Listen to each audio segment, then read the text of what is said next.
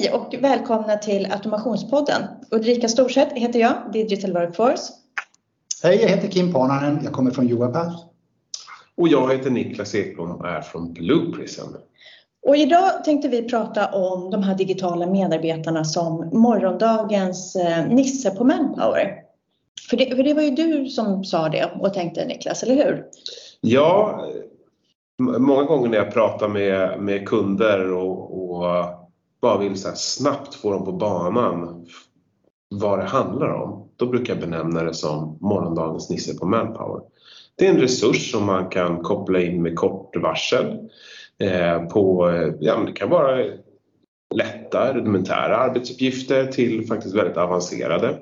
Eh, och till arbetsuppgifter som, där man kanske har svårt att förutse vilket behov man har. Så det är ju lätt att skala upp och skala ner och sådana saker. Jag har faktiskt ett jättebra exempel på en kund till oss som har gjort det. Mm. Och det här är ju en riktig corona process. Ehm, och ni vet alla, det är ingen som har missat att vi har precis genomlidit en pandemi och i och med den så var det en av våra kunder som fick en extremt arbetsbelastning. Otroligt många ärenden som behövde hanteras i samband med det här. Och ehm, då ringde de mig och så hade vi lite diskussion kring det och de insåg att men de kommer inte kunna anställa 200 handläggare för att hantera det här. Alltså tänk den tiden det tar att liksom bara rekryteringsprocessen och sen så ska du lära upp de här personerna och sen vet du inte exakt vilka volymer du pratar om, hur länge du behöver dem och hur många du behöver. Och sen så ska det avvecklas, avvecklas också. Det är ju väldigt liksom, det är en smärtsam process för vem som helst att gå igenom. Problematiken där också att vi skulle hålla avstånd, vi får inte vistas i samma lokaler, du får inte vara så många. Så att det... Ja men precis, precis. Och då, och då så satte ju vi in digitala medarbetare istället. Ja, det är lysande. Det är så smart. Jag tror just liksom inom det offentliga också ibland där man behöver säkerhetsklassad personal eh, och behöver mm. vänta på det och så vidare. Eh, det här är det. Det är en no-brainer. Ja, de gör ju verkligen det också som de blir tillsagda. De har ju ingen konsus att fundera på. Det är ju uppgifterna de får framför sig. Liksom, vem är det här och då, mm. dra kontakter och sådär. Så att det är ju verkligen data för dem, vilket gör att det är så otroligt smidigt, som du var inne på Niklas, säkerhetsmässigt. Behöver inte göra någon bakgrundscheckar och vänta på Säpo eller vad det nu är. Mm. Beroende på hur högt det ska vara. Verkligen. En reflektion på det är ju att jag har pratat med en, en hel del kunder som har personal som behöver då säkerhetsklassning i de här olika leden. Då, då. Eh, och det är ju framförallt att om du schedulerar den här digitala resursen lite fiffigt så kan mm. den träda in och ut. Samma robot träda in och ut i olika roller och den bär inte med sig någon historik. Nej. Och den skvallrar inte på kafferasten. Nej, det, sånt. Nej men det är ja, det, är det där. Man har inga liksom, man ser inte förbi eller av misstag nämner någonting som kan vara känsligt. Så den, Nej. Och, och, mycket billigare också än att anställa personer. Ja. Mycket Absolut. billigare. Absolut. Mm. Sen ska vi givetvis fortsätta anställa personal för Absolut. ändamål som är viktigare, men just det här tråkgörat. Ja, men också de här topparna. Alltså när det är så här till exempel vid årsskiftet. Istället för att ta in tre konsulter för att hantera årsskiftet, då kan man ha en digital medarbetare som hanterar det. Eller nu den här extrema situationen som vi har haft med, med corona då, och de extrema liksom, arbetsuppgifter som har uppstått i samband med det.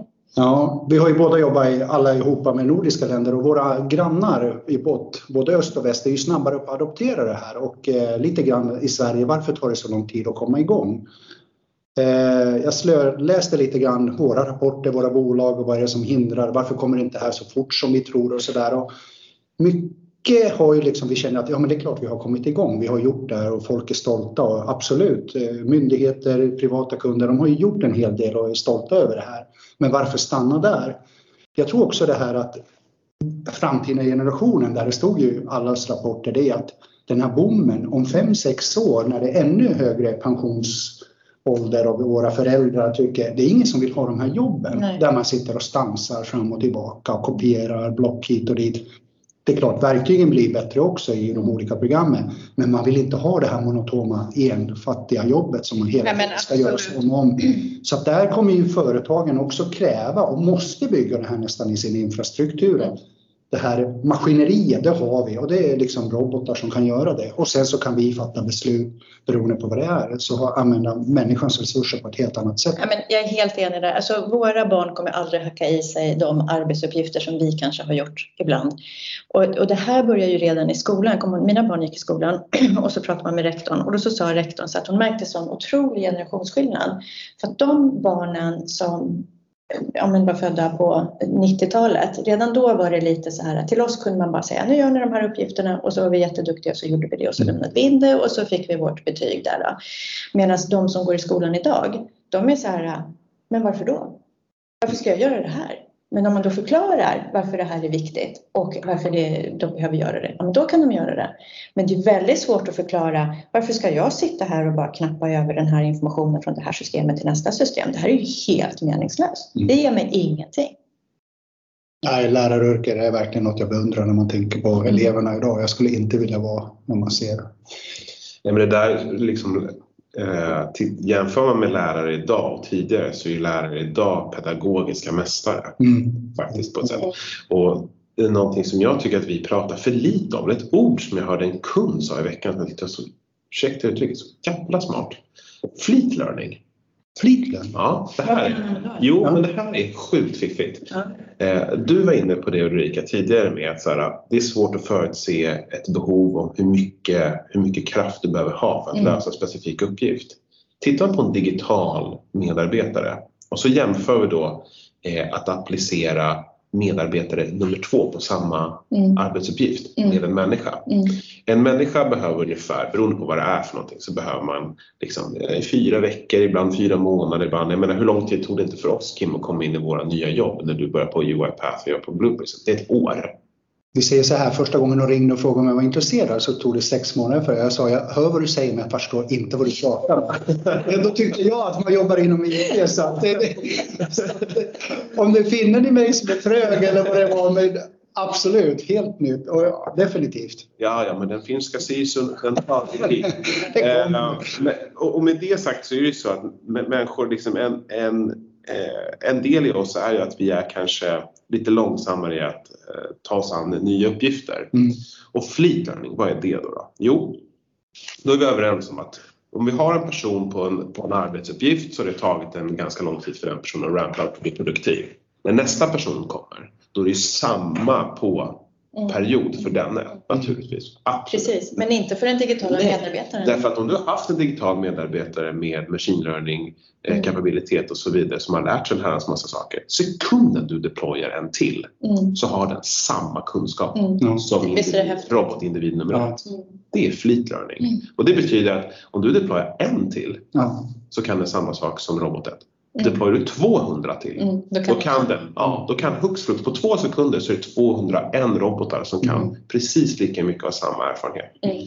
Det mina vänner, det är ett sätt för framtiden att handskas med arbetsuppgifter av hög volym och men en, en, annan aspekt på det här det är ju också liksom, om man pratar resilience, alltså att företags alltså motståndskraftighet. För att människor, vi blir sjuka, vi mm. går på föräldraledigt, vi slutar. Alltså så här, vi, det blir en pandemi, vi, alltså, det kan mm. hända allt möjligt. Medan om man, de här digitala medarbetarna, jag menar, de går ju inte hem. Utan det finns ju också en liksom, alltså du bygger ju upp en säkerhet kring att det här arbetet kommer att utföras oavsett vad. Ja men exakt, så länge ja. lamporna är på så kommer det ju funka. Så ja, är det ju så det, det och så länge elen funkar. Ja, ja men absolut, det är det. Ja, nej men helt rätt. Så att, mm. Men jag tror att det, sammanfattningen det är ju att varför inte? Varför ska det ta sån tid? Det borde definitivt finnas betydligt mycket mer och jag hoppas verkligen att det kommer. Och att det handlar också om att kunderna också börjar prata mer med varandra och ha lite sådär och dela med sig. Lite grann det här du, ordet du sa också, alltså mellan branscher också dela med sig. För att jag tror att det definitivt kan vara. Absolut, alltså alla, jag vet inte hur, hur många hundra procent man är överens om det, men det är ju onödigt att uppfinna hjulet på nytt. Nu är jag ju, nu är jag ju 80-talist, en av de här som ni refererar till som, som inte vill göra de här jag tänker nog 90-tal och framåt faktiskt. Ja, det tänker jag. Ja. Ja, men en, del, en del, jag vet att liksom i media då pratar man liksom om kids som är födda från 82 och framåt. Mm. Eh, kids, shit. Det var länge sedan. Jag har alldeles för lite hår på huvudet för det. Men eh, jag tror någonstans att, att eh, eh det, många tänker att det är kopplat till att, att någon skulle vara lat eller att man inte har samma liksom, eh, pannben. Nej, jag tror att det handlar mer om att man är van vid att så här, tänka i effektivitetstermer. Mm. Så här, hur kan jag genomföra den här arbetsuppgiften så smart och så effektivt som möjligt. Mm. Och, om vi pratar generation så tror jag att du är inne på det och inte bara det utan också tror jag att det är en generation som har vant sig vid att ifrågasätta och att alltid bli lyssnad på. Um, och också att, för då, nu börjar vi prata baby boomers. Mm. Alltså jag har ju hört exempel med föräldrar, liksom, barnen har alltid kommit först. Och då har det varit så att när de har varit bortresta, menar, då har barnen fått sova i sängen och så har föräldrarna sovit på madrass på golvet. Så det är ju också så här, det här är ju en generation som är extremt liksom van vid att... Första rummet? Ja. Men det är mycket, det är mycket möjligt. Eh, absolut. Jo men shit vad mina föräldrar har gullat och gosigt.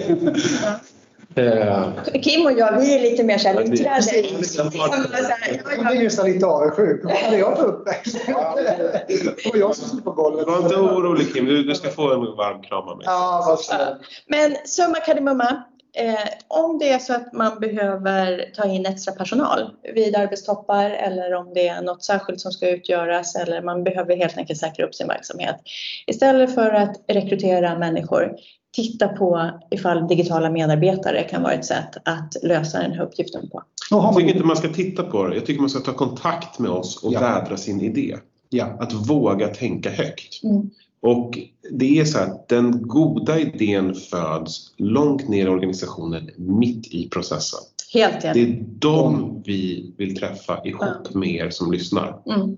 Så att, sitt inte och fundera på om din idé är bra eller dålig. Slå en pling så tar vi ett snack. Inte svårare än så. Och med det så säger vi tack och hej för idag. Stort tack. Ha det bra. Vi hörs snart igen. Hej. Hej.